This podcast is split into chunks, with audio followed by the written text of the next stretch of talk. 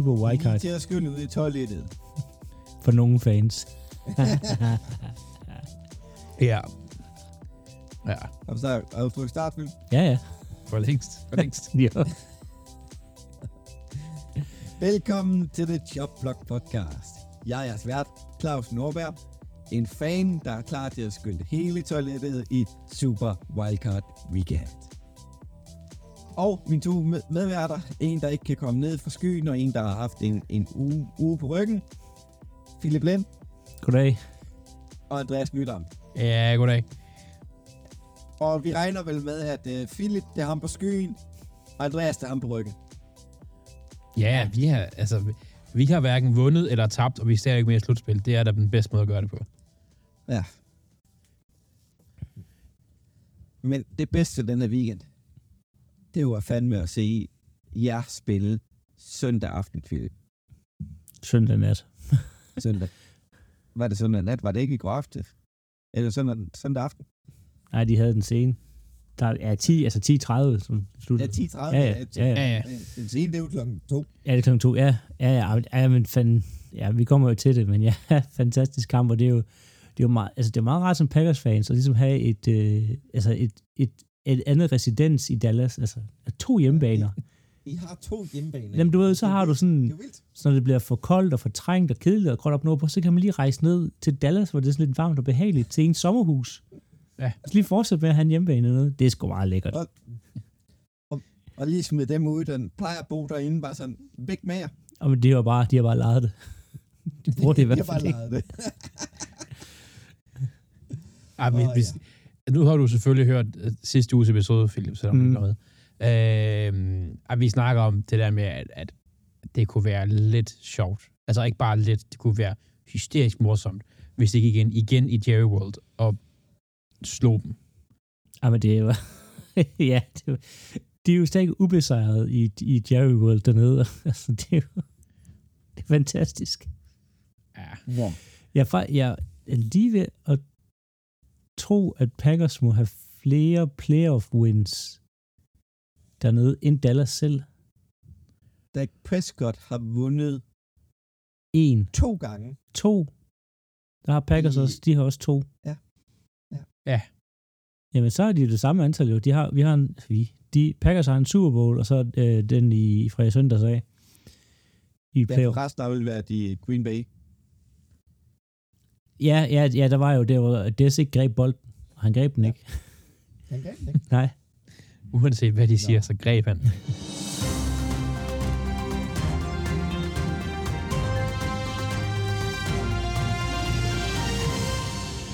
Men der er jo kommet lidt coaching-nyheder ud over det.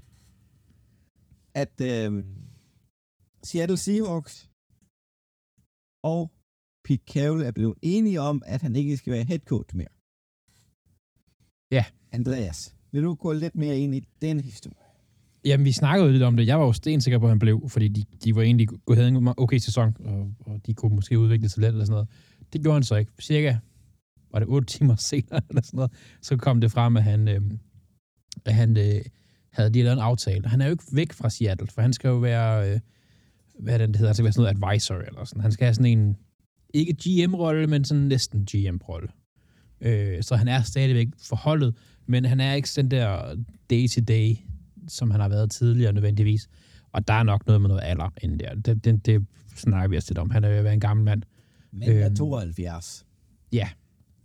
Og øh, han er vist med i, øh, ja, jeg tror, jeg kan huske, man har sådan the final say, men han har en, en helt sikkert et, en stor ting at skulle have sagt i forhold til, øh, hvem de ansætter som head coach. Jeg tror, jeg har ikke rigtig hørt om så mange, de er ved at, at, at, interviewe eller, eller snakke med endnu.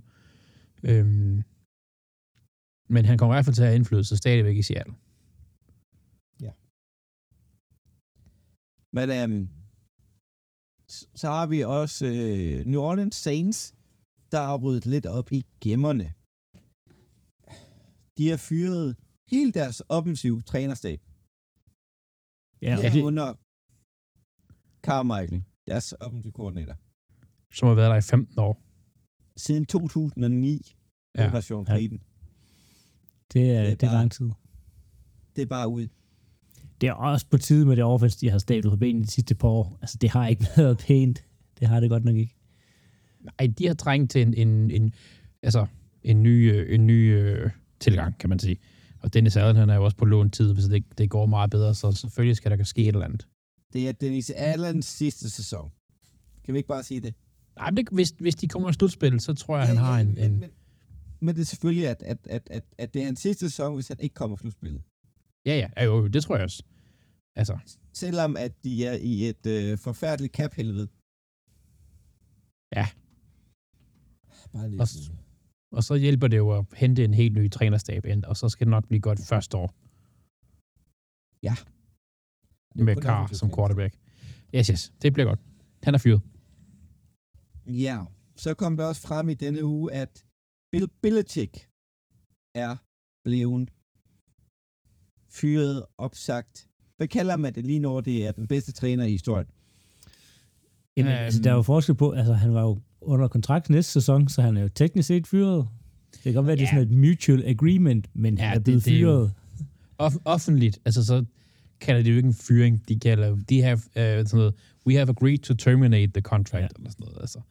Ja. Øh, om en træner hans kaliber, der tror jeg ikke, der ordet fyret, det tror jeg ikke, man bruger længere. Nej, det, det bruger man ikke. Altså, han har lavet så meget for det franchise op i, New, øh, op i, i øh, New England, så det gør så stor en forskel.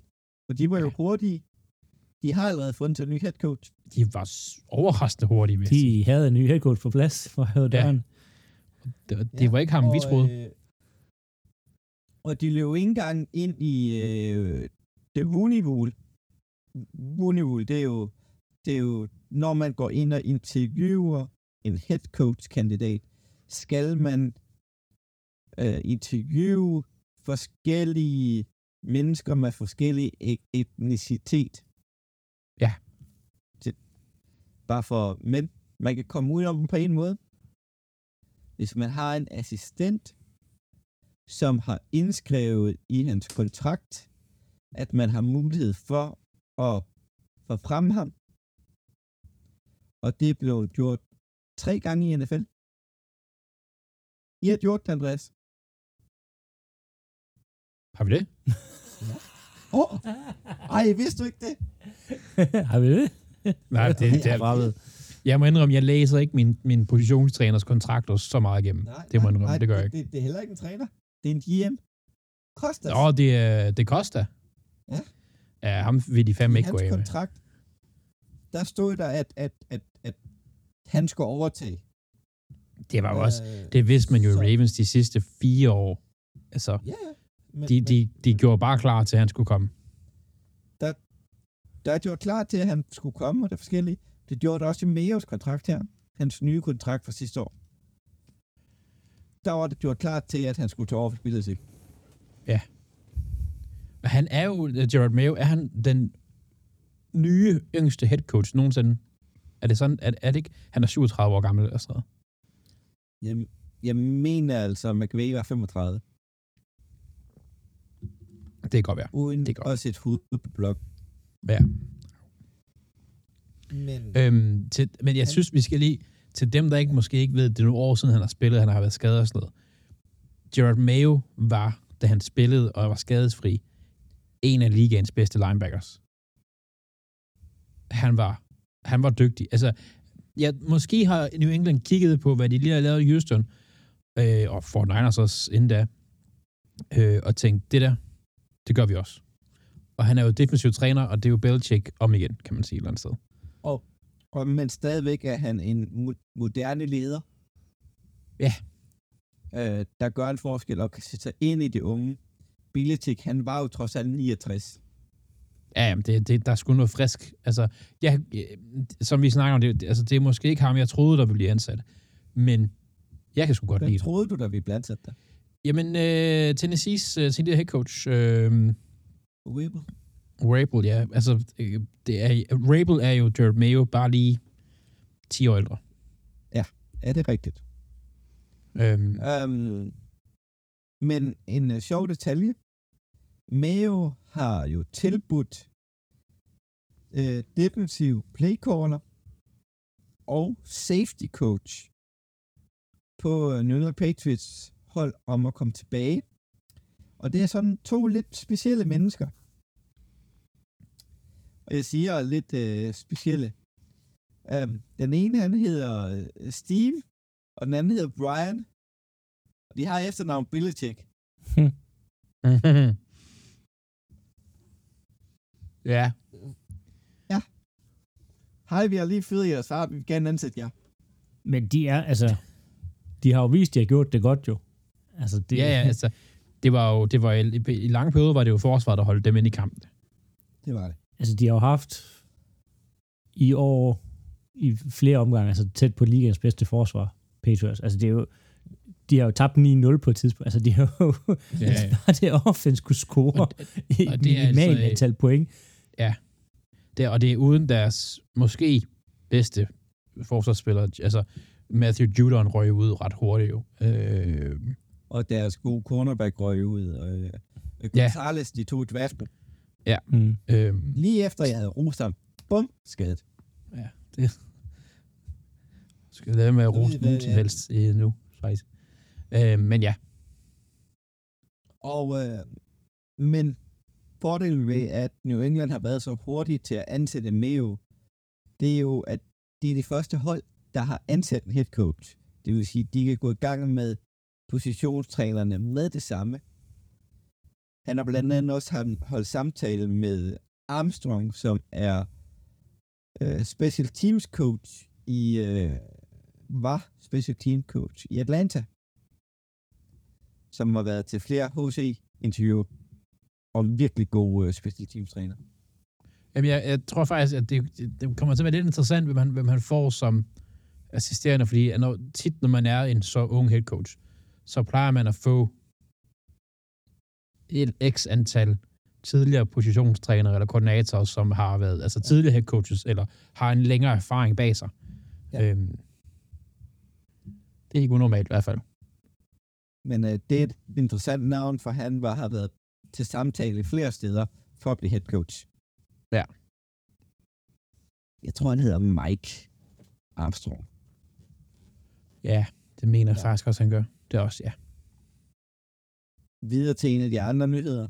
Det er jo en nyhed, der ligger mig meget nært. Det er Jason Kelsey, der ikke kommer til at have spillet sin sidste NFL-kamp i nederlaget mod Bucks.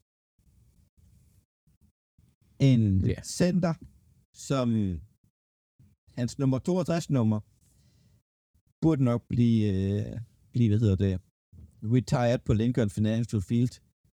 Um, er han en Hall of Famer, Andreas? Ja, det vil jeg sige. Uh, han, bliver ikke, han bliver ikke first ballot, men, men det er nok mere på grund af hans position.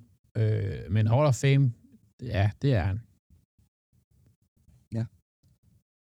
Mit, uh, mit forhold til, til, til Kelsey, det er nok lidt, lidt nært kontra jeres. Hvad fanden min, min yngste søns håndboldtrøje, det er nummer 62. Så Ja. ej, øh, han bliver savnet. Lad os håbe, jeg håber jo selvfølgelig, at øh, Cam Jürgensen kan, kan rykke ind på, på center og, og, og løfte, løfte Men, bare en lille smule opgave. Er det slut med Tushpus så? Eller Brotherly Shove, eller hvad I kalder det? Det håber jeg ikke. Du er jo fandme god til det. Ja. Altså, da Ravens vandt Super Bowl tilbage i 12, var det jo et hold fyldt med veteraner. Altså Ray Lewis, Ed Reed, de stoppede efter den kamp der. Eller Ed Reed, han spillede sådan nogle år. Det snakker vi ikke om i Houston og sådan noget, men, men det var jo Ed Reeds øh, sidste kamp. Øh, Ray Lewis' sidste kamp. En anden spillers sidste kamp, det var vores center Matt Burke, som var gammel, men havde, altså var også var en hammerende dygtig center. Og øh, jeg kunne mere mærke ham, at han var væk fra holdet året efter end Ray Lewis. Altså den der center, den der, det, den der sikre hånd, det betyder bare så meget. Det gør det virkelig. Ja. Så, så øh, det bliver store sko, der skal udfyldes i Eagles, altså, fordi øh, Og vi han har fandme været god. han har virkelig været god. Og der er måske to andre, der følger med ham ud af døren nu her. Det er, det er Fletcher Cox og Brandon Graham. Videre til draften. Og hvem har lyst til at tale quarterbacks? Det, jeg, det er mig, der har skrevet den på. Jeg synes bare, det er sjovt at nævne. Det, det er ikke, fordi vi skal tale voldsomt meget draft nu, fordi det kommer vi til senere. Men øh, UFC's Caleb Williams har endelig offentliggjort, at han deltager i draften. Han hopper i the pool, som man siger. Øh, på trods af rygten, der siger, at han vil absolut ikke på nogen måde til Bears. Det kan jeg egentlig godt forstå. Øh, han har hoppet i øh, og, og gør klar til draften. Det samme gør Tours lillebror. Øh, og jeg siger Tours lillebror, for jeg tør slet ikke bevæge mod, jeg begynder at udtale hans navn. Ej, det tror jeg godt. Tonga Vailoa til sidst. Han hedder i hvert fald Tonke Valoria, det er helt sikkert, men hans fornavn, det er sådan noget, det er lidt, det er sådan noget Tualurkudugar eller sådan noget. Jeg, det, jeg, det, det skal jeg slet ikke begynde på, fordi det kommer til at være forkert på så mange niveauer, men, men øhm, han er ikke den, altså han er ikke Tua, men det er bare sjovt, at han er med. Det er sådan en, Ja, Han har kastet for 11.000 yards og 89 touchdowns for Maryland. Og det er jo også kommet frem, at uh, Mohammed Harrison Jr. har deklareret til draften. Wide receiver for... Øh, hvor fanden var det nu? Ohio Han State. kom fra Georgia. Ohio State. Ohio State, ja. Og han har også udtalt, at hans lillebror er bedre end ham. Jamen, sådan er det tit. Det er- siger tre store brødre. Nå, ja, det er ret nok. Og så gør vi klar til den bedste uge i NFL, Philip. Er det nu, der skal ses masser af god fodbold? Det er nu, altså jeg regnede jo, jeg havde høje, høje, høje forventninger til den her wildcard uge her. Jeg synes jo, når man sådan kiggede ned over, at det var alle sammen fascinerende kampe, og jeg tænkte, det hele bliver tæt, og så blev det bare, som det plejer med, at det stort set alle hold blev, blev fuldstændig rundbarberet. Øhm, Ja. Men jeg, nu- jeg vil sige, undskyld, Ja. jeg vil sige, at på papiret, ja, der så det ud til nok at være en af de bedste wildcard-runder, vi har set længe. Ja, og der var så mange historier at gå ind til. Altså, så Ja. næsten, næsten hver kamp havde sådan noget altså, specielt, både med, med Texans og Browns og Packers og øh, Cowboys, øh, Rams og hvad hedder de, øh, Lions. Så, men vi går ind i den bedste uge eller weekend i fodbold. Det bliver, det bliver ikke bedre end det her, så altså, som fan. Nej. Det gør det ikke, fordi det er det plejer at være fire rigtig fede kampe. Øhm, og så næste uge, så får vi kun to, og så i Super Bowl er det, og det er kun én. Øhm, Og det er jo det der med, der gør den også god for os, det er jo, det er jo fire kampe, der ikke er alt for sene. Altså, den seneste Ah. kamp, ej, lørdag er, jeg sige, sen, lørdag, den er sådan rimelig. Men, men altså ellers, altså søndag, den seneste starter klokken halv et, i stedet for de der klokken kvart Ja. over to eller Ja. tre eller sådan noget. Øhm, og en lørdagskamp, der starter midt om natten, det kan de fleste måske være med på, siger jeg her. Øh, jeg ved, at Med små nok, børn. Du, du skal i hvert fald nok sidde og se den, kan jeg regne ud, Philip. Men, men, men det er ikke, det er ikke, altså kampene, de ligger rigtig godt til os. Altså i forhold til, hvad man kunne forvente. Altså hele NBA-slutspillet ligger jo klokken lort om natten, for eksempel. Ja, men det gør det også vil med, med hockey. Det er forfærdeligt. Ja. Ja. Øhm, men nej, det, det bliver, bliver en super, super fed øh, uge her, og nu skal vi jo, vi gennemgår dem jo senere, øhm, hvem der skal spille mod hvem, og hvem der vinder. Men altså, det er, det her det er den uge, jeg ser mest frem til. Det, det, det er jo den uge med bedst fodbold, hvor der er fire kampe. Ja. Kontra næste uge, der er der kun to.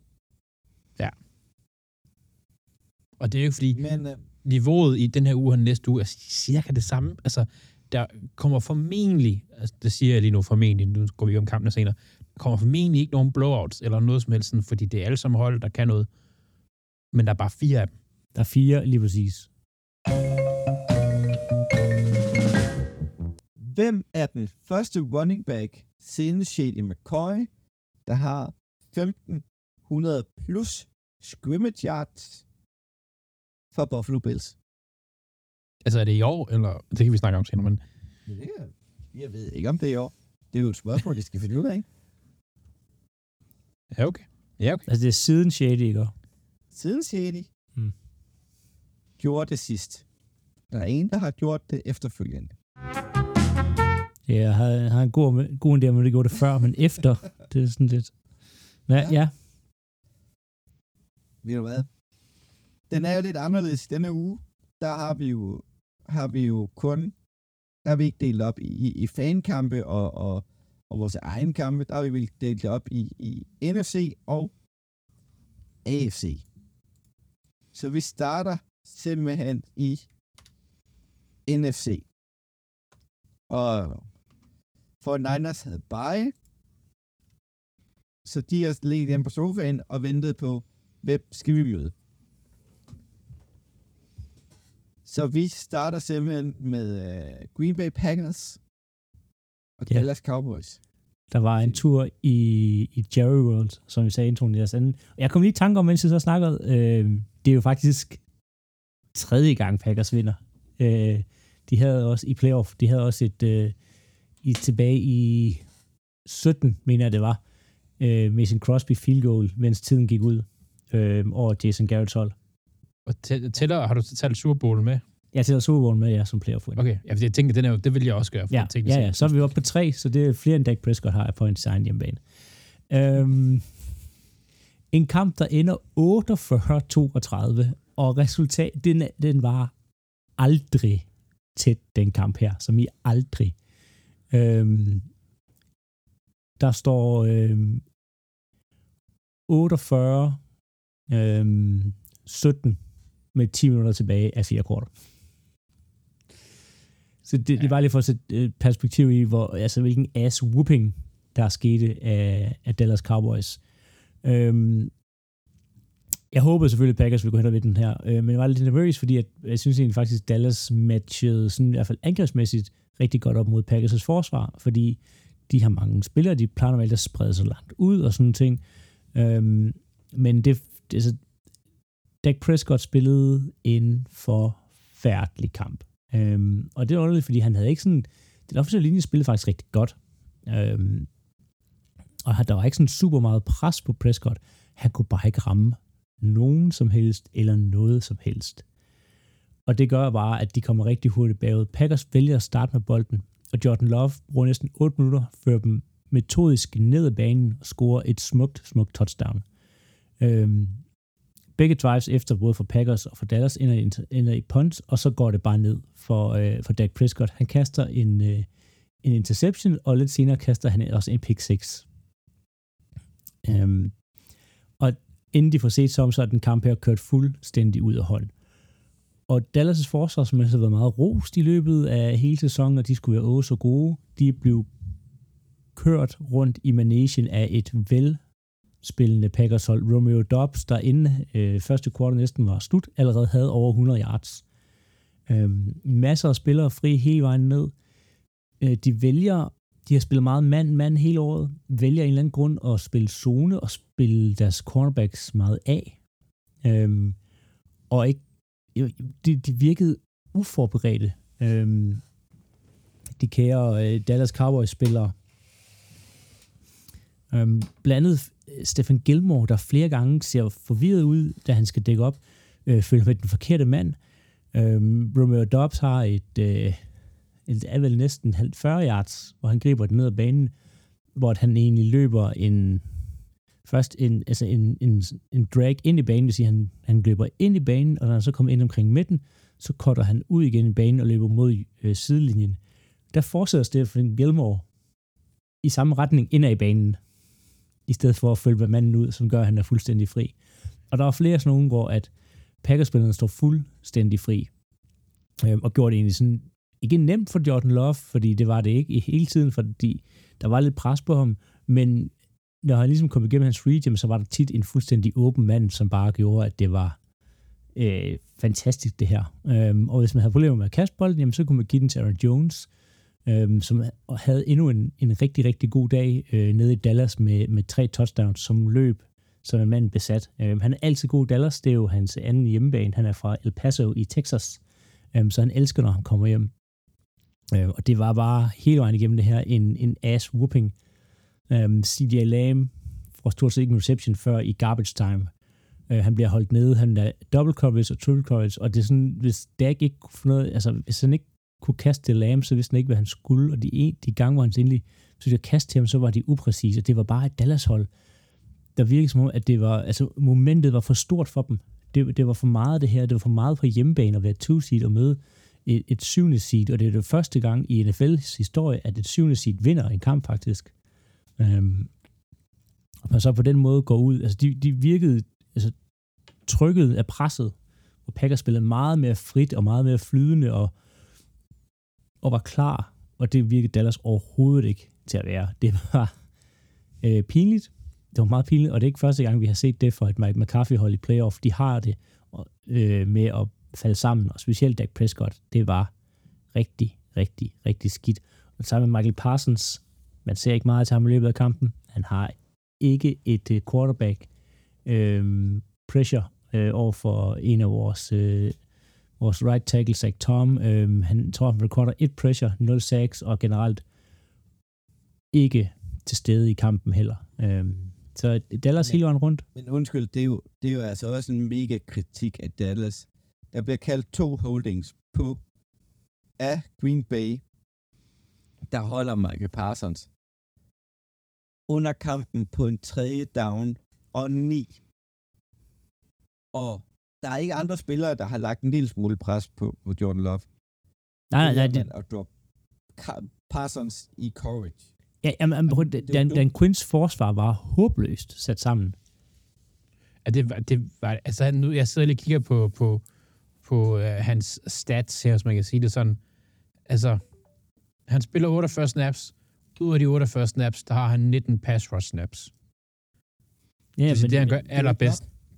Altså, det han gør allerbedst, det gør han kun halvdelen af tiden. Under halvdelen af tiden. Nej, men, ja, men han, ja, man har brugt forkert, og de, de spiller lidt anderledes, end de plejer at gøre i sådan et forsøg. Problemet er, hvis de vil spille mand-mand, så har Green Bay for mange hurtige og for mange øh, gode receiver til os. Det her er faktisk det første kamp. Første kamp for Green Bay, hvor at Dobbs, Musgrave, Wicks, Kraft, Aaron Jones, Christian Watson og Jared Reed er alle sammen til stede. Ja. Det er første kamp, så, og der laver man 48 point. Det siger og, det. Og jeg synes, i, i, i den kamp der, Dak, okay, jeg vil sige det på en anden måde, hvis man falder ned fra månen og aldrig har set noget fodbold, og ender med at sidde og se den her kamp, så vil man ikke tro, at Dak Prescott er 8-årig veteran i ligaen med den kontrakt kontra en førsteårs fast starter. Nej, nej. Altså, hvor, hvis MVP-votingen var efter den runde her, tror jeg så, at Dak Prescott vil få nogle MVP-stemmer, og det der tror jeg, Jordan Love vil få nogen. Ja, nu, jeg ved, jeg har faktisk tænkt på, hvornår den, øh, fordi den, jeg har ligesom en, også den, en point, den, lu, den lukker øh, efter uge, efter uge 18. Ja, ja hvis, den, hvis, den, hvis, inden playoff. Ja. ja. Hvis det var, så ville Love få flere stemmer end Dak Prescott. Ja, men det er hypotetisk, og det er også, jeg, jeg, jeg synes, den burde lukke efter Super Bowl. Øh, men sådan er det bare. Men altså, ja, John, ja, slutspil er alligevel noget andet end regular season, og det ved jeg godt, at men det du vil ikke Super Bowl. Ja, ja, det ved jeg godt, jeg ved godt, men det er jo derfor, man, det er derfor, man i, i, i NBA, som jeg begynder at lave flere priser til slutspillet, fordi det, Ej. det er et helt andet spil i slutspillet. Ja, men det, det, det vi kan tage den i offseason, men, men altså, Jordan Love spiller vanvittigt. Det, jeg har sagt det næsten hele sæsonen. Øh, han er en ny stjerne. Altså, de har fundet, de har fundet endnu en. De har gjort det igen. Altså, Ej, han skal, lige, han skal lige gøre det. Altså, det her er en fuld sæson. Jeg er enig i, at han har været imponerende. Han har virkelig været god.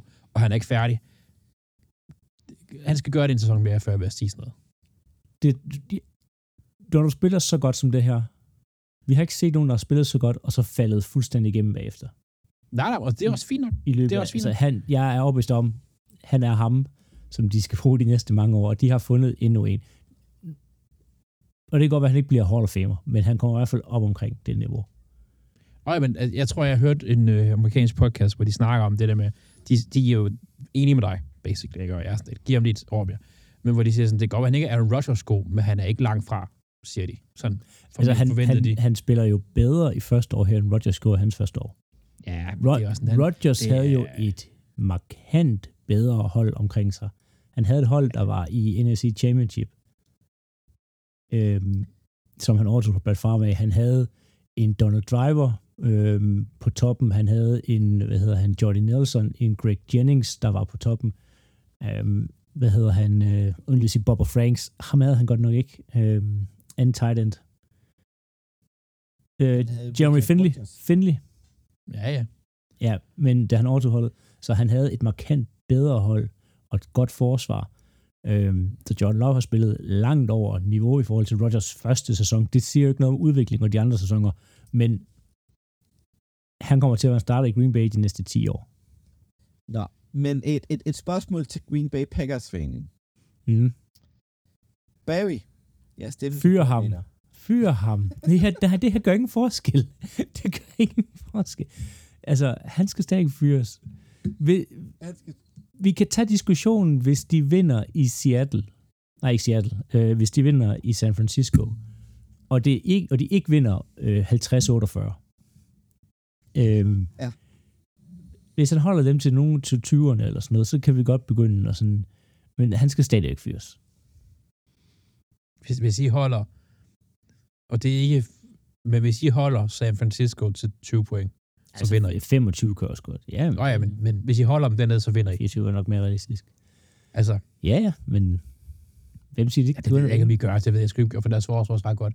Men så har I en seriøs chance. Hvis I holder, hvis I kan holde dem ned, så har I en seriøs chance. Men han, nej, Claus, han skal, stadig, han skal stadig ikke fyres. Det her ændrer intet for mig. Det ændrer 0 procent. Det kan jeg godt forstå. Men ja, han bliver det ikke efter den kamp her. Det, det kan vi være sikre Nej, på. nej, desværre ikke. Det tror jeg ikke. Og øhm, Mike McCarthy, det er jo hans tredje år i, i, øh, i Dallas. Han har vundet 12 kampe, alle tre år. Og røget ud på røv og albuer. Alle Han år. skal ikke fyres. Det er jo ikke hans skyld, at Dan Quinns forsvar opgiver øh, øh, 9,4 yards per spil, Packers løber. Per spil. Packers fik næsten et første down i snit per gang, de snappede bolden. Ja. Det er jo ikke Mike McCarthy's skyld. Det er jo helt, altså, om den træner havde heddet øh, Bill Belichick, eller om den havde heddet Andy Reid, så havde Dick Prescott jo stadigvæk været upræcis på de kast. Det kan, det kan Mike McCarthy heller ikke gøre noget ved. Altså, jeg, jeg er godt klar over, at de skal vinde nu i Dallas og sådan noget. Men det er ikke Mike McCarthy's skyld 100% det her. Der, han har måske lidt skyld i det, men det er overhovedet ikke 100%. Altså, jeg synes mere, det ligger ved Dak Prescott, at han er bare ikke klar i det her. Og både uh, interception og pick sixen, at pick sixen er et dårligt kast. Interception går igennem hænderne på receiveren, men han er stadig dækket op, så det er det forkerte valg, han tager. Jeg synes Men ikke, man hvis- burde fyre Mike McCarthy. Hvis Dak Prescott ikke er klar nu, så bliver han jo ikke klar. Nej, men det er det, det, det, jeg siger, at man skal finde en anden end Prescott, hvis man vil vinde. Det er, hjælper ikke at skifte headcoachen ud. Det gør ikke Prescott mere klar. Han har haft sin suverænt bedste sæson her under Mike McCarthy. Suverænt. De anset, de har vundet divisionen. Altså Prescott har i regular season aldrig spillet så godt. Han virker bare ikke til at være en, der kan levere i playoff. Og jeg tror ikke, det ændrer på at få en anden øh, headcoach ind, eller nogle andre koordinatorer. Nej, fordi det, det giver jo, altså selv de allerstørste har jo haft svært ved at gøre det i starten i deres, altså første gang de er i slutspil og sådan noget. Selv de allerstørste har haft svært ved det. Men otte år inden, og som du siger, han har vundet 12 kamp, altså alle tre sæsoner, Claus, øhm, det her burde ikke være en for stor scene for en Dak Prescott. Det burde det ikke være. Nej, men det, det, men det er det bare, og det er, det er der problemet ligger, det er ikke ved coaching. Altså Mike McCarthy har jo været meget, meget mere, øh, haft meget mere, meget mere, meget, det var nok en åndssvær sætning, haft meget mere succes, end Jason Garrett havde i Dallas. Altså, det er, Ja, de har været en af de bedste hold de sidste tre år i, regular, i, hvad hedder det, i løbet af sæsonen, at de så det ikke har fungeret i playoff, det kan der være mange grunde til, øh, men Dak Prescott har i hvert fald ikke leveret, øh, og forsvaret har slet ikke leveret den her gang her. Nej, nej, nej, nej, nej. At der, er- der skal noget, noget skimæssigt, der skal kigge på her. Det er Jamen, du, der. kan, du kan ikke du kan ikke scheme dig ud af, at din quarterback kaster ved siden af din receiver. Nej, nej, jeg tænker defensivt. Ja, det er, jeg, Nå, ja, Jeg ja, ja, ja, ja, ja, Dan, ja, ja, Dan, Quinn, han, Dan Quinn burde fyres. Dan Quinn burde ikke fyres, for han bliver head coach i Seattle. Det jeg håber jeg ikke for Seattle-fans, men øh, han burde fyres. Men, men, jamen, så længe det ikke skal styre en forsvarstaktikken, så er det vel fint nok. Ja. Men uh, lad os komme videre i systemet. Dallas er ude. Helt Videre ude. til Los Angeles Rams, der var på besøg i Detroit. Yes, og den skal jeg snakke om. Og det var jo en af de kampe, som...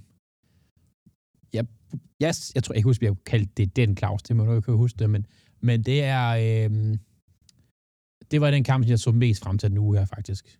Mest af det, fordi at, altså, jeg er ikke Packers-fan, eller Eagles-fan. Så det var den, jeg så mest frem til, og den skuffede ikke.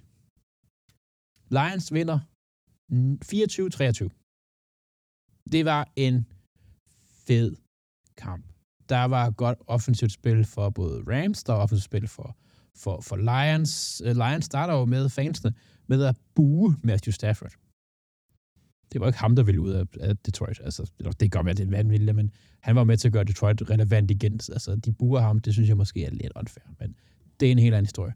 Øhm, det er, Rams er bare, altså, de er bare med igen. Altså, de er bare, igen er det en kamp, hvor de er på udebane, og de er jo på papiret, er de jo underdogs, men de er bare med. Altså, og der, her er der helt klart to ting, der gør det. En er Matthew Stafford. Altså, han spiller hammerne godt. 25 completions ud af 36 attempts, over 350 yards, to touchdowns. Altså, han gør det bare godt. Og han har en, der gør det rigtig godt sammen med ham. Puka Nakua, der sætter en ny rekord for rookies receiver i slutspillet. 181 yards. Altså. Og så det er touchdown også oveni. Det er, han var over alt, og Lions er svært ved at stoppe ham. Det skal ikke komme som en overraskelse, fordi Lions er sådan svaghed i år, defensivt set, har jo været nede af deres defensive backs. De blev bedre, det må man tage, give dem, altså CJ Gardner Johnson også tilbage igen og spiller en god Benny Snaps, og Brian Branch, øh, som er sådan lidt hybrid safety ting, og egentlig også synes jeg er meget godt med. Øh, men for Lions' forsvar, og det der ligesom er med til at afgøre kampen, det er Aiden Hutchinson. Nøj. To sacks, og den ene af dem, den, øh, den jeg, jeg var sgu imponeret over, at han rejste op igen. Matthew Stafford, men han er jo øh, han er en hård fyr. Øh, det er han, altså det er han, det, Aiden Hutchinson, hold nu kæft, hvor jeg ser han bare, han er ung, og han mangler den der, den der, øh, altså han mangler at være, hvad hedder det, at være god hver gang. Men nu, hvor har han vist sig lidt, det synes jeg virkelig, det han bliver spændende. Virkelig spændende. De skal bare have en god cornerback oveni sammen med ham, så skal det sgu nok køre på det forsvar der. Udover, øh, udover det for Lions, øh, de jo, altså, Goff er igen altså 22 for 27, lige knap 300 yards og touchdown, gør det virkelig godt. Øh, for dem, der er det jo Amon og Brown også. Altså, Goff er... Jeg synes, han ligner den Jerry Goff, da han var i, i Super Bowl med Rams. Øh, og det var, en, det var den, det synes jeg var den gode Jerry Goff, faktisk. Øh, så var han nogle år efter Rams, der ikke var så godt. Men jeg synes, han ligner faktisk. Han ligner, han er tilpas. Han er, han er ro på. Lions' offensive linje, de gør det godt. Altså, øh, de, de gør det, jeg synes faktisk, jeg, jeg skulle til at sige, de, de, kommer, de, de har det lidt svært med de der rigtig store om, øh, nose tackles, de tackles, men de gør det godt her mod Aaron Donald. Altså, han, har ikke, han, er, han er holdt ude rigtig af backfield. Har ikke en eneste sack, og ikke nogen tackle for loss, og ingenting. Øhm, hvad hedder det, altså det, det gør det bare godt. Altså Lions, de er spændende. Øh, jeg kunne godt tænke mig, at måske de havde lidt bedre styr i, i, i løbespillet, men, men det var jo en tæt kamp, så derfor så kaster de selvfølgelig mere. Puka Nakua, øh, hvis vi lige hurtigt skal runde Rams af. Rams har været langt mere spændende, end jeg troede, de ville være i år. Langt mere relevante. Hold nu op, de har været spændende. Altså, vi snakker om det helt starten af sæsonen, de skal, de skal, have, de skal have produktion for deres rookies, og det har de fået. Altså Puka Nakua, Kyron Williams og flere spillere på forsvaret har steppet op blandt deres rookie-gruppe. De bliver spændende de næste par år. Spørgsmålet er, hvor længe Matthew Stafford han holder. Han, han er hvad? 37? 35, han er slutningen af 30'erne eller sådan noget. Altså spørgsmålet er, hvor længe han holder. Men Rams, de har de skulle slet ikke have kommet så langt her. Og det gør de, og de gør det godt, og de er relevante hele vejen igennem. Altså, de kunne lige så vel bare røve ud på røv og albuer. Det sker bare ikke. Og det er bare de gode rookies, de er godt coachet, de har en god quarterback. De skal nok... Øh, forhåbentlig skal det være igen næste år. Altså, second, år, second year slumps er jo ikke øh, ukendt for rookies. Og specielt ikke på, på øh, receiver-positionen, synes jeg.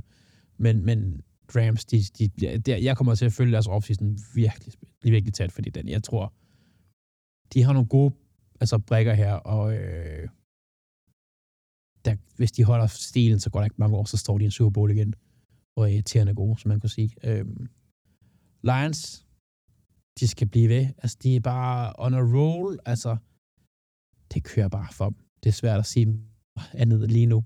Øhm, det hele er faktisk, det, det hele, der er rigtig meget, der klikker for dem lige nu, og det kommer til at, at, at, at blive ved med at gøre det. Den, deres, men jeg synes, det, det, der kommer til at bære dem, det er lidt deres, deres offensive linje, ikke? Altså, og specielt, altså, Sewell, de har på højre side, Ragnar center, altså, der er bare, det er virkelig talentfulde linjer, og de spiller bare super godt. Altså, det gør de virkelig. Øh, Lions, de, øh, de bliver spændende næste uge, for de kan altså godt, vi kan godt se Lions i en NFC-finale. Det er jo 32 år siden, at Lions har vundet en slutspilkamp hjemme. Øh, sidste gang, det er jo første gang, det er første gang nogensinde, Nej. at nogen har kunne skrive en sms om, at de ja, har de vundet. vundet. Ja. Altså, det er, det er så sindssygt. Altså, Det er jo, det, Andreas, det er jo ikke bare en slutspilskamp hjemme.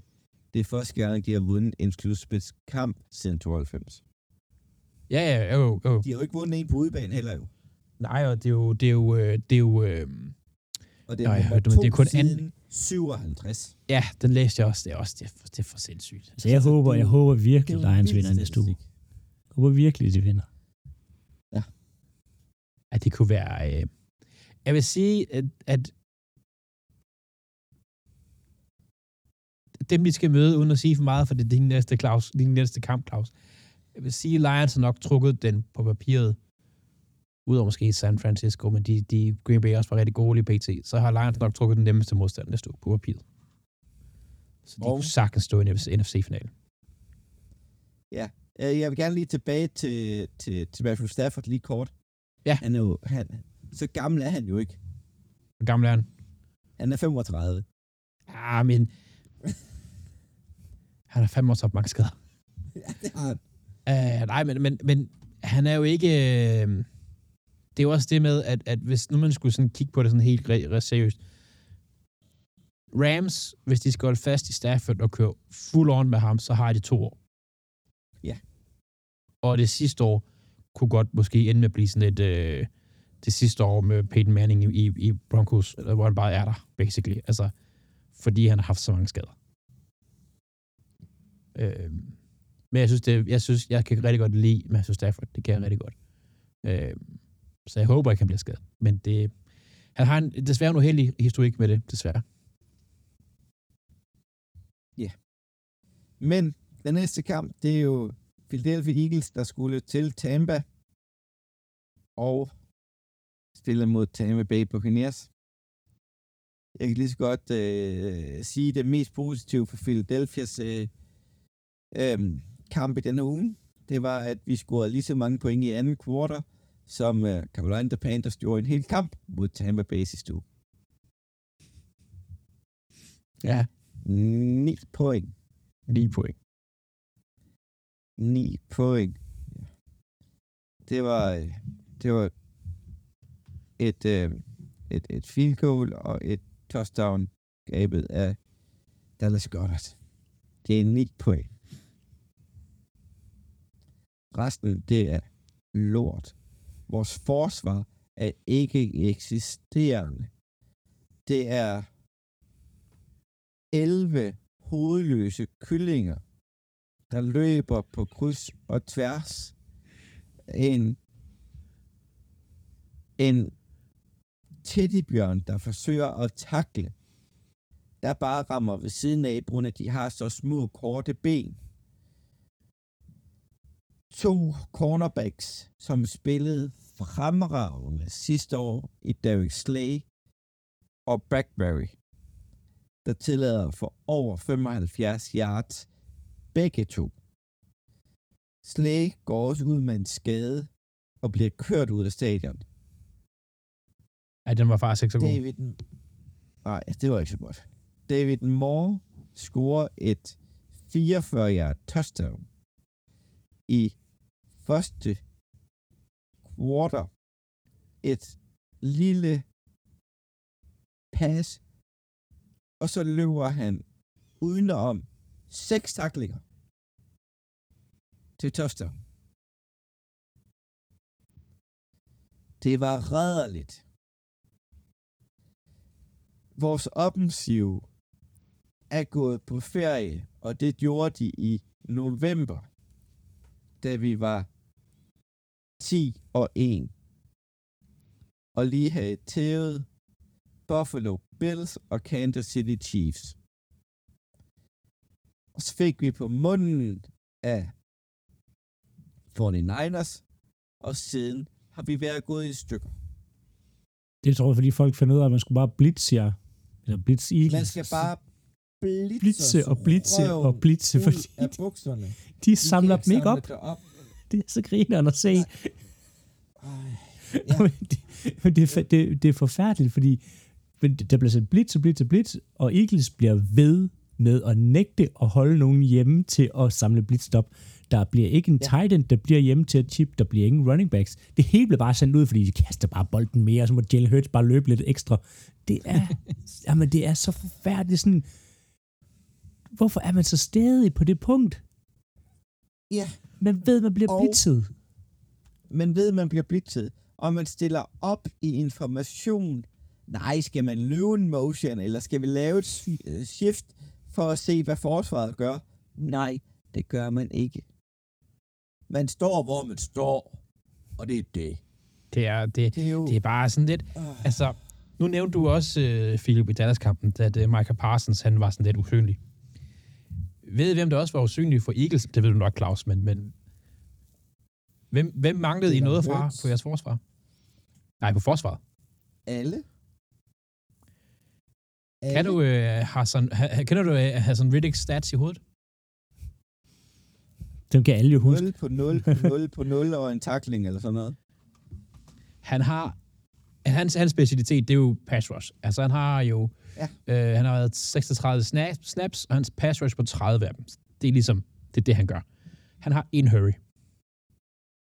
Han har en høve, ja. En hurry. Øh, vi, vi, vi får trods alt produceret hele fire sacks i kampen. Det er det er jo ikke Ej, nok. fem. Fem. I får fem. Fem. Fletcher Cox og- spiller og- genialt for jer, men, men, men resten er sådan lidt... Nej, det er på grund af, at øh, jeg sætter på, på øh, Pro Football Reference. De har kun øh, fire.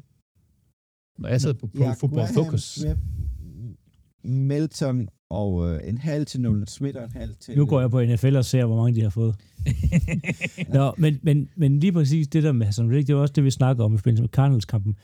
Øh, det her med, at hvis man spreder dem ud, og Buccaneers er faktisk det offense i ligaen, der spreder sig mest. Ja. NFL er blevet meget sådan condensed i midten. Det, undskyld, man vil gerne stille sin receiver tæt ind på sin tight end, så, så kan man køre nogle rob ruter og sådan noget. Men er begyndt i det senere år at stå meget tæt. Ja. Hvor Bucks stadigvæk, de står meget. Altså, de, de bruger hele banens bredde. De står meget spredt ud.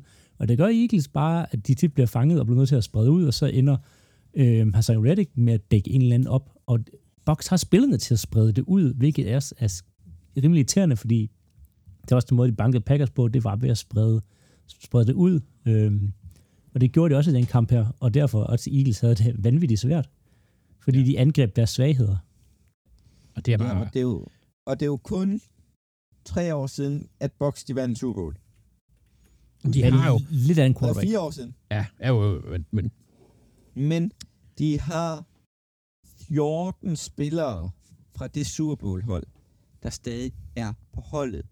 De har erfaringen både på forsvaret. Der er der seks starter, der startede i den Super Bowl. uh, Og Philadelphia, vi, vi er gået hjem. Vi skal have en rebuild af det forsvar der. Øh, der kommer til at ske så meget i Philadelphia. Altså, vi Jamen, det spiller er- rædderligt. A.J. Brown har jo slettet alt Eagle-content på hans sociale medier. det, er Han så, gider jo ikke være der mere. det er så, det er så barnagtigt, det ja, her. det er det virkelig. Øh, Men det er jo også, altså han startede jo sæsonen, første halvdel var han jo måske den bedste, statistisk set, bedste receiver i ligaen. Og så er han bare forsvundet i det her til sidst. Ja, og det samme med Jalen Hurts. Jalen Hurts, Smitty og, og, og AJ Brown var de, nogle af de bedste på deres positioner sammen med Swift frem til uge 10, Ja, uge 11, hvor vi havde vundet 10 kampe og kun havde tabt til fucking New York Jets. Klassemandskab. Men klassemandskab simpelthen. Og derefter, der er det bare ikke eksisterende. Jo, Man kan, Smith, altså, det er han også... spillede godt i går. Det var til Smith wide receiver. Han har 148 yards. Ikke nogen touchdowns. Men han, altså, der skal noget mere end bare en god spiller for at vinde playoff. Og det, og det var også så tydeligt at se på, på altså, selvfølgelig, han, han spiller godt, ikke, men, men de vidste jo godt, at det er jo ikke det, var en til Smith, der slår altså 148 yards. Altså, Og, og man kan ikke få et løbespil op og køre overhovedet, selv med en skidegod offensiv linje, der tidligere på året løb for 204 yards mod Tampa Bay Buccaneers. Hej. Swift får 34. Genville får 3. Og Jalen Hurts får 5 yards. Vi kan ikke engang få 40 yards på jorden. Det, og, og det, er nu, man, det er nu, der sidder der måske nogle Lions-fans og tænker, at det var derfor, vi traded John Swift. Jeg sagde det, Claus, det fik ham. Swift er en frustrerende running back, der tit løber væk fra det største hul, han kan finde på banen. Nej. Men, men, men problemet, det er, at han ikke får bolden overhovedet. Vi giver ham jo ikke chancen. Ja, det er ret nok. Han, ikke, han havde ikke mange chancer, det havde han ikke. Altså, han får bolden 10 gange. Jo, han har et gennemsnit på 4, eller på, på 3,4 yards. Okay, det kan man faktisk godt leve med, hvis han lige pludselig bryder en lang. Ja, ja. Og nogle gange, der bryder han en lang, andre gange, der bryder han ikke en lang. Men der var ikke nogen kontinuation, kon- kontinuitet. Vi kunne ikke holde et drive i live. Vi var... Vi har været ligegyldige. Vi har været en øh, vingeskudt and i fem uger. Altså, vi har tabt til Giants, Panthers, ej, ikke Panthers, øh, øh, Cardinals. Altså, det er kampe, at øh, sådan øh, middelmodige NFL-hold vinder lidt over. Ja. Men vi er gået i stykker, vi virker ikke, der er noget galt med kulturen lige nu i Philadelphia. Til den måde, trænerne kalder spillene på. Men tror du, at der er en sammenhæng, og ikke, at han har nok været taget beslutningen for lang tid siden, men tror du, der er en sammenhæng mellem, at Kelsey så hurtigt efter siger, jeg kommer ikke tilbage? Altså, han bare lukker af for det, han bare siger, prøv jeg lukker bare af, jeg kommer ikke tilbage, det skal jeg ikke. Um, Tror, tror du, det er et signal til, er et eller andet i vejen? han har nok... Jeg, kender også hans, vi, hans, hans bedre halvdel ud fra interviewer, det forskellige. Kylie Kelsey. Øh, hun har gerne vil have ham trukket tilbage fra NFL i omkring 5 år nu. Han er 36. Han har tjent rigeligt på penge. De kunne sagtens få et godt liv ved siden af. Øh, så der er noget pres hjemmefra, der gør, at, øh, at, at, at han trækker sig så hurtigt, og de har lavet en aftale hurtigt selvfølgelig. Ved I hvad? Videre til, til ugens vinder, Philip. Værsgo. Jeg er dårlig over Det vil sige, uh, NFL sagde 4-6 til Eagles. Nå. Ja, det var også det, jeg havde. må jeg, må jeg give mig. Uh, Øhm, ugens vinder, Baker Mayfield. øhm, og det er ikke bare lige for... Fuck Nu, ja, nu, nu har vi, vi har snakket meget om det, men det er bare mere det her med... Øhm, blive fyret i, øh, i Browns, hoppe rundt, endelig Carolina Panthers ud der, starte i Rams, altså hoppe rundt, og så nu endelig have fundet hjem et eller andet sted i, i Buccaneers, og ført dem til playoff, og nu vundet en playoff-kamp. Altså han, han virker til at være faldet til og fundet sådan de rette hold og træner, og det altså efter at have hoppet meget rundt for at have været valgt first overall. Øhm, det, synes jeg, det er, det er en fed historie, og så er han jo bare virker til mega grineren. altså han er altid Tænk på, han var på tre forskellige NFL-roster sidste år. til nu at være starter og øh, vinde over et ja, et, et, et, et, et fodboldhold, Et fodboldhold. som ikke, er det, som ikke er det fodboldhold. Det, det, det et amputeret fodboldhold. Ja. Men øhm, ugens taber, NFC East. Det ene hold, der er player for NFC East, har vundet 12 kampe. Det andet har vundet 11 kampe. Og vi bliver smidt ud på røv og albuer. Ja. Eller divisionen. Altså, der burde være mere spil i den division. Altså, de kunne gøre en bedre forskel, når man har været så dominerende i hele NFL-sæsonen. Det er ikke godt nok. Så simpelt. Hvad skulle Andreas? Ja, jeg, min, min, det der, jeg har Ols overraskelse, jeg har jo øh, Dallas, øh, hvor er reaktionen i Dallas på det her? Altså, Dak Prescott ud og sige, I sucked. Øh, det har han sådan til ret i. Men, men det der med, som du snakker, Philip, måske er det ikke headcoachen, der skal skældes af med, måske det er noget andet. Men jeg, jeg synes bare, der burde være et signal i Dallas om, at det her det er bare ikke i orden. Jamen, jeg, jeg tror, at de skal lige have nogle møder og sådan Altså, det, det kommer også, men jeg tror lige, der går lige... De skal lige sunde sig. Ellers, ellers så skal han bare lige have landet Bill Belichick. Ja, det bliver spændende, hvad der sker med ham. Lad os hoppe direkte i AFC. Vi er lidt bagud på tidsplanen. Så øh, vi starter med øh, Andreas, og der havde Cleveland Browns mod Houston Texans. Ja, det her det er også en kamp, som øh, kan have haft, hvis de havde stemt øh, på øh, personlige priser ind i slutspil, så kunne den have haft en indflydelse. Joe Flacco blev revet til i Browns de sidste seks kampe, øh, og, og, og var overraskende sindssygt god øh, for mange mennesker, og begyndte at snakke om, skal han være øh, comeback player of the year, når han kommer ind så sent og gør det så godt, som han gør det. Men, men øh, kampen ender vi skal godt få det overstået. Øh, han ender 45-14 til Texans. Øh, et resultat, som nok vil overraske mange, hvis man kigger på en kampen. Og en af grundene til, at de, øh, den ender sådan, det, det er faktisk Joe Flacco, der på back-to-back-spil kaster en pick 6. Han alene står for, at de mister 14 point. Øhm, eller får 14 point imod sig. Øhm, og så kan man diskutere, altså hvis man tager de 14 point væk, så er de stadig tabt 31-14, men, men det gør bare tingene virkelig, virkelig svært for Tex, eller for, for Browns. Altså, de, de bare... Og det ændrer jo også noget på, på motivationen og på deres øh, tilgang til spillet. På den anden side, Texans er bare meget spændt på, hvad de kunne på det her, mod det her, som er sindssygt dygtigt forsvar, Browns har. Men de blev ved med at finde hullerne. Altså, spilkaldene var interessante. Nogle fede ruter, der løb. Altså, øh, sådan nogle multidirection ruter, hvor det var, altså, altså, alle mulige forskellige måder. De, han fandt bare hullerne til efter Det var godt kaldt. Godt kastet. Han behøvede kun 21 kast for at nå lige knap 300 yards og tre touchdowns. Altså, det var, det var fedt at se.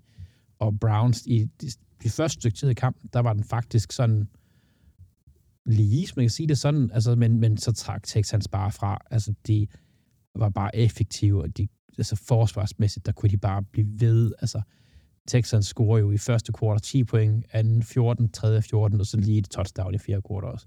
Altså, Browns har 14 point ved halvleg, de slutter med 14 point.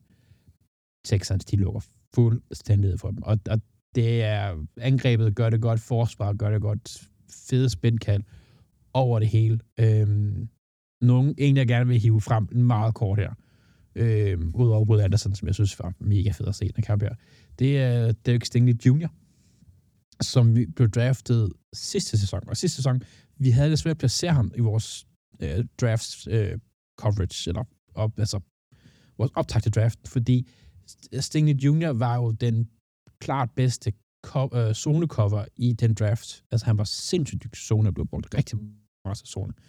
Og, og vi snakker meget om, at det hold, som tager, tager ham, han, de skal bruge et forsvar, der passer til ham. Og det gør de. Han er han har virkelig været god, og han var også virkelig god her mod, mod, mod, øh, mod Cleveland. Øhm, han var skadet meget i starten af sæsonen, men bare komme tilbage og spille virkelig, virkelig, virkelig godt. Og der er mange af de spil, som de gode defensive spil, som, som, som Houston har, øh, der er øh, der er øh, hvad hedder det, der er, man kan se Stingley, han er med på spillene, og han er bare, ja, hold øje med ham, når man sidder og ser en kamp, altså, hold øje med Derek Stingley og Will Anderson, lige pt. Nummer 24 og nummer, hvad er det, 51 fra Will Anderson. de er så fede at se på forsvaret.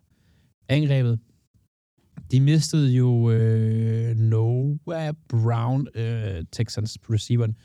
Ikke, jeg ved ikke, om det er noget, der kommer til at være sådan voldsomt vigtigt for dem, men øh, Nico Collins spillede godt. Øh, og, så ja, men det kan godt være, det giver noget dybt problemer for dem her næste uge mod et også ret godt forsvar.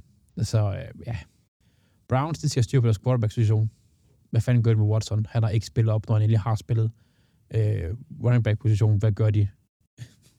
hvad, hvad, hvad, kommer der tilbage der? Og sådan med forsvaret kører. Og deres receiver har også været gode, så, så Browns, de skal sgu nok være der igen næste år. Texans, ja, de bliver sgu spændende. Det gør de. De spiller meget bedre, end jeg troede i år. Så ja, det bliver spændende. Jeg glæder mig til næste, til næste uge. Ja. Og øh, den anden kamp, det var nok kampen, der blev øh, udspillet i øh, en fryser, kan man vist godt kalde det. Kamp ja. mellem Miami Dolphins og Kansas City Chiefs. Hvad du siger, Lars? Ikke noget. Ikke noget? Fint. Um, der var 20 dejlige grader fredag eftermiddag, da øh, Miami fløj til, øh, til Kansas City. Så kom de frem, og der var så minus 20 grader i Kansas City. Og så vindtilfaktor lidt forskelligt. Det gjorde, at det var meget koldt. Og det føltes meget koldt. Det var den, det var den fjerde koldeste kamp i, i NFL's historie. Altså, og vi andre brokker os, når der er en enkelt to minusgrader. Men Miami kunne ikke finde ud af det der med kulden. De fik et enkelt touchdown med Tyreek Hill. Og der var de allerede bagud 10-0, inden han scorede. Og Kansas City, de øh, gik meget utraditionelt til værks. De kastede bolden rigtig meget kontra hvad man skulle tro, når at det var så koldt. Altså Patrick Mahomes forsøgte at kaste bolden 41 gange. Men samtidig løb de også bolden ener, nej, og 31 gange med henholdsvis øh, Pacheco og Clyde Exxon Så øh, der var, der var produktion fra, fra deres running backs, deres wide receiver i, i Rice, der virkelig steppede op i den her kamp, og gjorde en klar forskel, lavede et touchdown for dem, som var den første i den her kamp. Travis Kelsey lavede lidt ligesom han var stået op for de døde, for så god har han ikke været denne sæson. Selv ikke dem, der har haft ham i fantasy, ikke Philip? Nej, det har været bedre. Jeg har også det haft ham. Jeg ved okay. Men øh, der, der er skulle øh, komme noget, noget udvikling på det. Men man kunne tydeligt se, at de havde en plan. Hvad? Hvilke wide receiver vil vi bruge? Hvilke wide receiver og Thailand kan vi bruge? Og så beholder vi bare dem, og vi kører bare på dem. De andre, det er fløjt ligegyldigt. Jeg vil, jeg vil sige, altså, da jeg begyndte at læse nyhederne efter kampen og sådan så var de sådan, folk var sådan, uh, Rishi Rice, den, Rishi, Rishi Rice, okay, så. Rishi Rice, Rice, den der nye, han skulle være den nye nummer et, og han var bare, alt det der dårlige, de har haft tidligere, det var bare glemt, og jeg var sådan lidt, ej, det, det er ikke bare glemt. Altså, han havde en god kamp. Men, han en god kamp, ja. men det skal vi ikke nu ikke lige... Øhm, kontra, man kunne tydeligt se, at Miami, de var påvirket af kulden. De var ikke vant til at løbe i så koldt vejr. De havde problemer, både med løbbolden, med kastbolden. Jo, de får scoret touchdown, men ellers får de ikke rigtig produceret noget. Um, Tua Tongoloa har ikke vundet stadigvæk en NFL-kamp, eller en college-kamp, eller en high school-kamp, hvor graderne har været under 4 grader Celsius. Det er ikke sket endnu. Så er det godt, at han ikke skal til uh, Buffalo i næste uge, for der skulle også være koldt. Der er altid koldt i Buffalo. Der er altid koldt i Buffalo. Der er ikke engang sommer. Altså, de går direkte forår til efterår. Altså, Men øh, en anden ting, det er simpelthen Kansas City's forsvar. Det er det bedste forsvar, Kansas City har haft, så længe de har haft Patrick Mahomes. De lukker alting ned og kan gøre en forskel for dem i playoff. Det er en af deres styrker.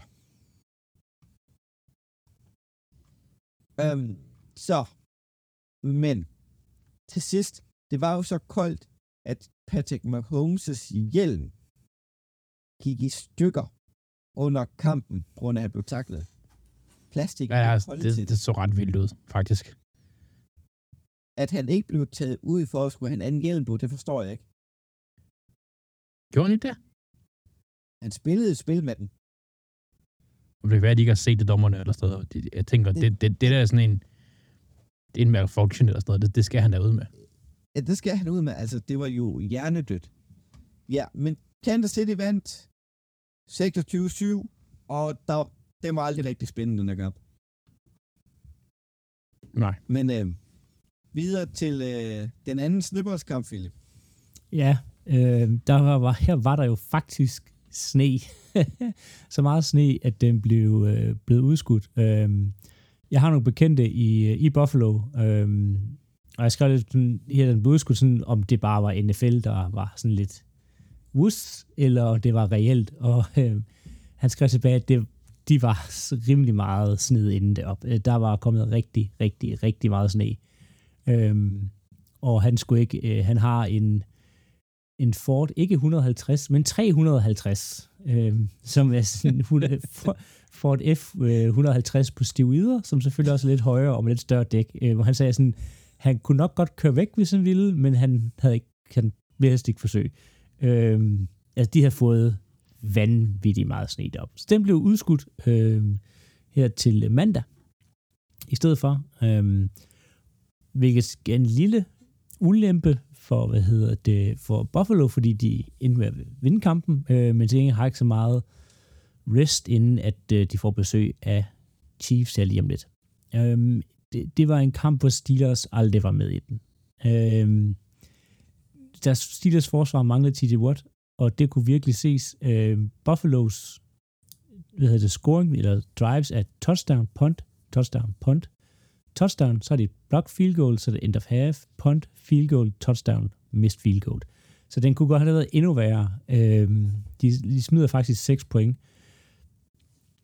Og det var en, en kamp, hvor at Steelers aldrig er med. De får ikke stoppet noget offensivt. Øhm, de, der står øh, 21-7 ved halvleg. Øh, de er, de er bagud, og de, man har aldrig sådan en rigtig følelse, at de kommer igen. Mason Rudolphs magi er forsvundet. Øh, kaster interception, spiller ikke så godt. Øh, de får aldrig rigtig løbespillet i gang, og det troede man jo nu i det her kulde og sne, jamen, så var det løbespillet, der virkelig skulle, uh, skulle fungere, øhm, og, det, og det var det bare ikke. Der er en masse Steelers-fans, der er klædet over dommerne, pakket det væk, øhm, så Pickens var ude efter kampen, og, og uh, og uh, dommerne, det var sådan helt forfærdeligt. Det er ikke det værste, jeg har set i år, på dommernes side af. Nej, men, men der, der skal, Steelers skal altså også pakke den væk, sorry, men, men øh, har, du hørt, har du hørt det der interview med, øh, jeg kan huske, det, det er en af deres running backs, det er den Najee Harris, eller, eller Warren, det kan jeg faktisk ikke huske, men, men øh, Buffalo går over og spiller one high, Mm. for han ekstra spiller i, i boksen. De har deres tredje startende corner og spiller kun 14 snaps. Og hvad gør Steelers? Vi løber bolden endnu mere. Ja, jamen, de løber, men det er fordi, Mason Rudolph ikke rigtig kunne kaste den. Altså, det er bare... Men, jamen, altså, det er sådan lidt sådan, åh, det, det, det, er sådan det med sådan, okay, vi prøver ikke rigtig at gøre noget, faktisk. Nej, men, og det, og de lige nogen, der havde givet op Steelers, og, og det var bare, det skulle overstås det her, og de, ja, endnu en Steelers-sæson, hvor de, Mike Tomlin, han, øh, han tvinger dem i playoff, og det, de er så ikke med op til, til første kamp, og bliver smidt direkte ud på røv albuer. Det er lidt sådan, at det AFC's, hvad hedder det, deres Cowboys? Ja, jo, altså. Ej, det er måske, også, det er måske også hårdt, en hård sammenligning. Øhm, men, men det er bare ikke... Øhm, det var det bedste hold, der vandt her, og det var, jeg synes, det var godt, at, Buffalo går hen og vinder her, og kan, skal nu tage imod Chiefs. Første gang Patrick Mahomes skal spille en playoff-kamp på udebane i næste uge. Det er Det er det vildt er en nok. vild statistik. Det er sindssygt. Men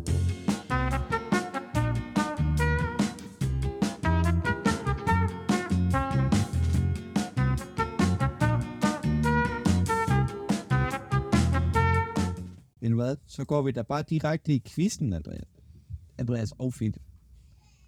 Og det var simpelthen spørgsmålet, hvad? Hvem er den første spiller siden C.D. McCoy, der har for 1500 scrimmage yards for Buffalo Bills? James Cook. Han hedder ikke James. Cook. Jo, James Cook er jo, det er deres running back nu.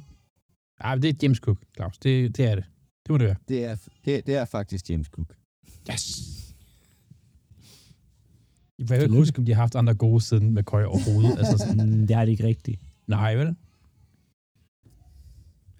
Kan I... Og nu, svarer jeg lidt hurtigt på den der. Så har jeg lige en... Øhm, I nævne den første Tampa Bay Buccaneers quarterback? Eller de Tampa Bay Buccaneers quarterbacks, der har kastet for plus 300, 300 yards i playoff-kamp, minimum tre touchdowns og ingen interceptions. Øhm, jeg har lyst til at kalde ham Jimmy Johnson, men det er ikke det ham, der blev sur. Øh, han han hedder Johnson til efternavn. Brad Johnson. Nej. Gjorde han det ikke? Nej, det var han ikke. Hvad Øh, gætte, Andreas? altså, Baker Mayfield, han gjorde det jo lige, men, men Ja, Baker er Mayfield gjorde det nemlig i går. ja, Er der andre, Tom Brady, må- Tom Brady må have gjort det. Ja. Nej, han er den eneste. Når han er den eneste. Nå, jeg synes, vi skulle have tre. Nej, nej. Nå, okay. jeg tænker ja, også, okay. jeg tænker, ja, okay, så havde hele jeg, vejen. ja, okay, Skal så vi havde hele jeg vejen taget, tilbage så havde jeg til- taget til- Baker først. Nå, Altså, skal vi hele vejen tilbage til Rich Gannon og sådan noget, tænker jeg sådan what? Men, men uh, Han er eneste, Rich Gannon spiller for Raiders. jeg spiller for Raiders, jeg ved det rigtigt. Det er Jeff Garcia. Nej, jo, Jeff Garcia. Det er også lidt meget. Han spiller meget lidt for dem. Videre til divisionsrunden. Og øhm, yes. sjovt nok, Andreas, så skal du se Baltimore Ravens mod Houston Texans. En ting, Og det... det- glæder dig til i den kamp. Altså, en ting, Eller i hvert fald Øh. bare kort. kort. Der er rygter på, at Mark Andrews, han måske bliver klar. Det er, det tror jeg, det er ligesom det, altså Baltimore, det, det bedste ved den kamp, det er, det er en lørdagskamp. Øh, og det er en tidlig lørdagskamp, og havde det været mod Steelers, fordi Steelers havde vundet, så havde det været en anden sen lortes søndagskamp, så det er fedt. Øh, øh, Baltimore, øh, jeg glæder mig bare helt vildt til at komme ud og se, øh, ikke komme ud, jeg skal ikke være der desværre, men, men, men kom ind og se, øh, hvad de gør, og hvordan de spiller mod hold som Houston, som offensivt pillede et virkelig godt forsvar fra hinanden. Øhm, ja, det, det bliver så fedt at, at se de her hold gå mod hinanden og bare gå fuldstændig all out. Baltimore har stadigvæk nogle småskader, og, og de kæmper med, men, men de har også en tilgang til det, der hedder sådan, det skal nok gå, øh, var det lige sidste, jeg kunne høre fra, fra, øh, fra John Harbers sidste øh, preskonference. Øh, det forsvar, Ravens, de, de kan stille op med mod det der ang- Houston-angreb, det bliver, det bliver fedt at se. Der er simpelthen ikke andet. Det bliver bare fedt. Ja, hvem tager du i kampen? Baltimore. Til Baltimore. Philip, Baltimore. Nej, Texans. Texans. Jeg har skrevet Texans ind. du har skrevet en Texans. Ja, ja, Texans. Jeg skulle lige huske. Jeg har Texans. Jeg har nemlig også taget, jeg har taget Baltimore. Så har vi øhm, Green Bay Packers. Jo Ja. møde San Francisco 49ers i Santa Monica. Det gør jeg. Og jeg, jo, jeg cherrypicker nogle ting her, men øh, Packers har en chance. Packers har en chance. Blandt andet fordi, at øh, modsætning til Eagles, så er Packers gode med blitzen. Og San Francisco er nogle af dem, der blitzer mest. Faktisk på tredje down, der er det det tredje mest blitzende hold, og Jordan Love er den anden bedste quarterback i ligaen mod blitzen på tredje down. Så der er en chance. der blærer dig. Og så sådan, hvis man sådan kigger på, hvem har 49ers egentlig mødt? Altså, de, når de har mødt et godt hold, så er de blevet kørt over. Ravens. Øhm, og så har de været sådan lidt kørt nogle dårlige hold over. Altså, Eagles var dårlige, da de kørte dem over. Øhm, Så kørte de Jacksonville over. Dem har vi også set var dårlige. Øhm, altså, de har Dallas. Dallas, Det er over. ja, som, vi, som Packers lige har kørt over. Altså, for siden de havde bare i 9, så har de mødt Jacksonville. Buccaneers, som så vi nu har fundet ud af, måske et godt hold. Lad os nu lige se. Øhm, Mm. Seahawks kom i playoff. Eagles er rigtig ringe. Så mødte de Seahawks igen. Cardinals.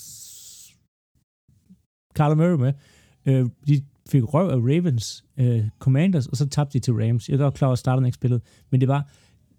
Jeg ser en chance i det her. Øhm, og de har også lidt småskader. Øh, med McCaffrey ikke 100%. Og sådan. Der er... Problemet er bare, at øhm, 49ers har ejet, hvad hedder det, Packers de sidste mange år. Så ligesom at Packers har ejet Cowboys, så der var sådan en, et, jeg håber, men det er altså, det er free money. De skulle slet ikke have nået så langt. De skulle aldrig have været her Packers. Så jeg, altså, så hvis de, jeg, kan ikke, jeg kan ikke blive sur, hvis de taber. Men jeg bliver ulidelig, hvis de vinder. det skal I. det bliver forfærdeligt for alle jer.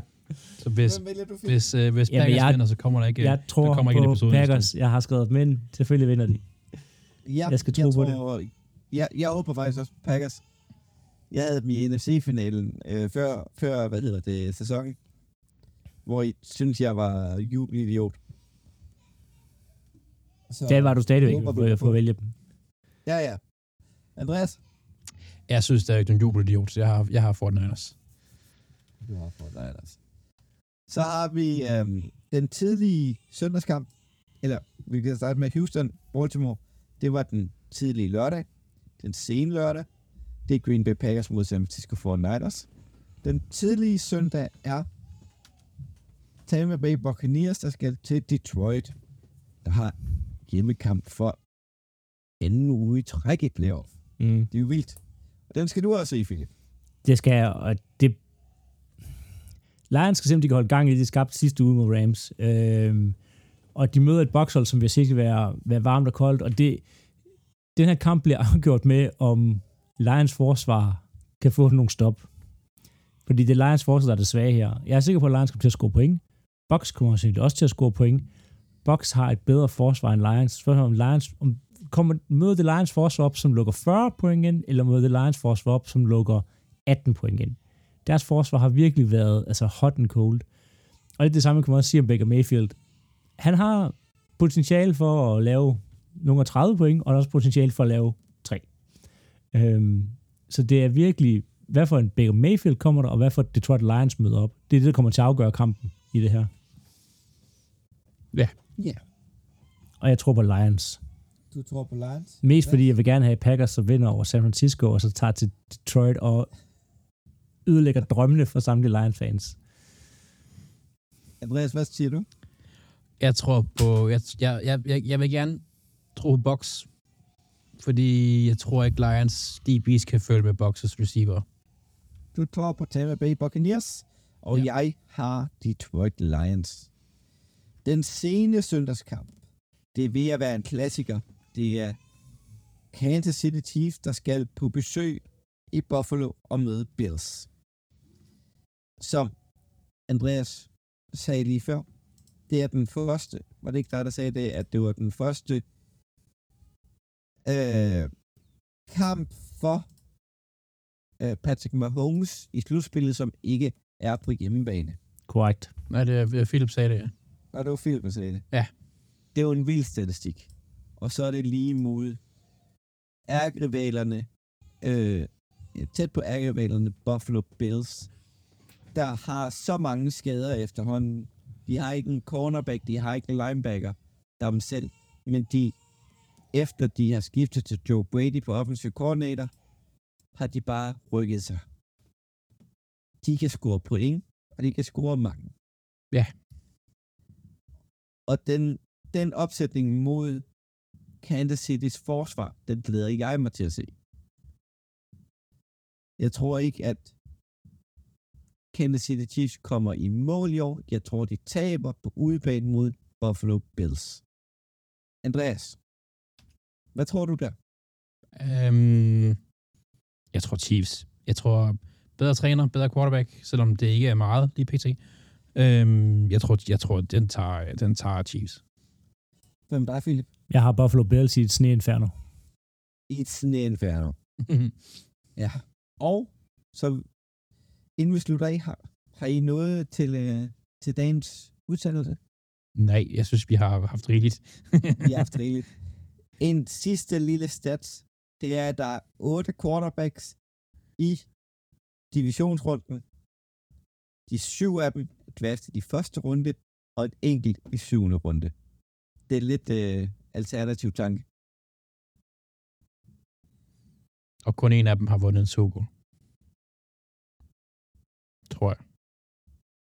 Ja, Patrick Mahomes er den eneste, der har vundet en Super Bowl. Ja. La, øh, og så har vi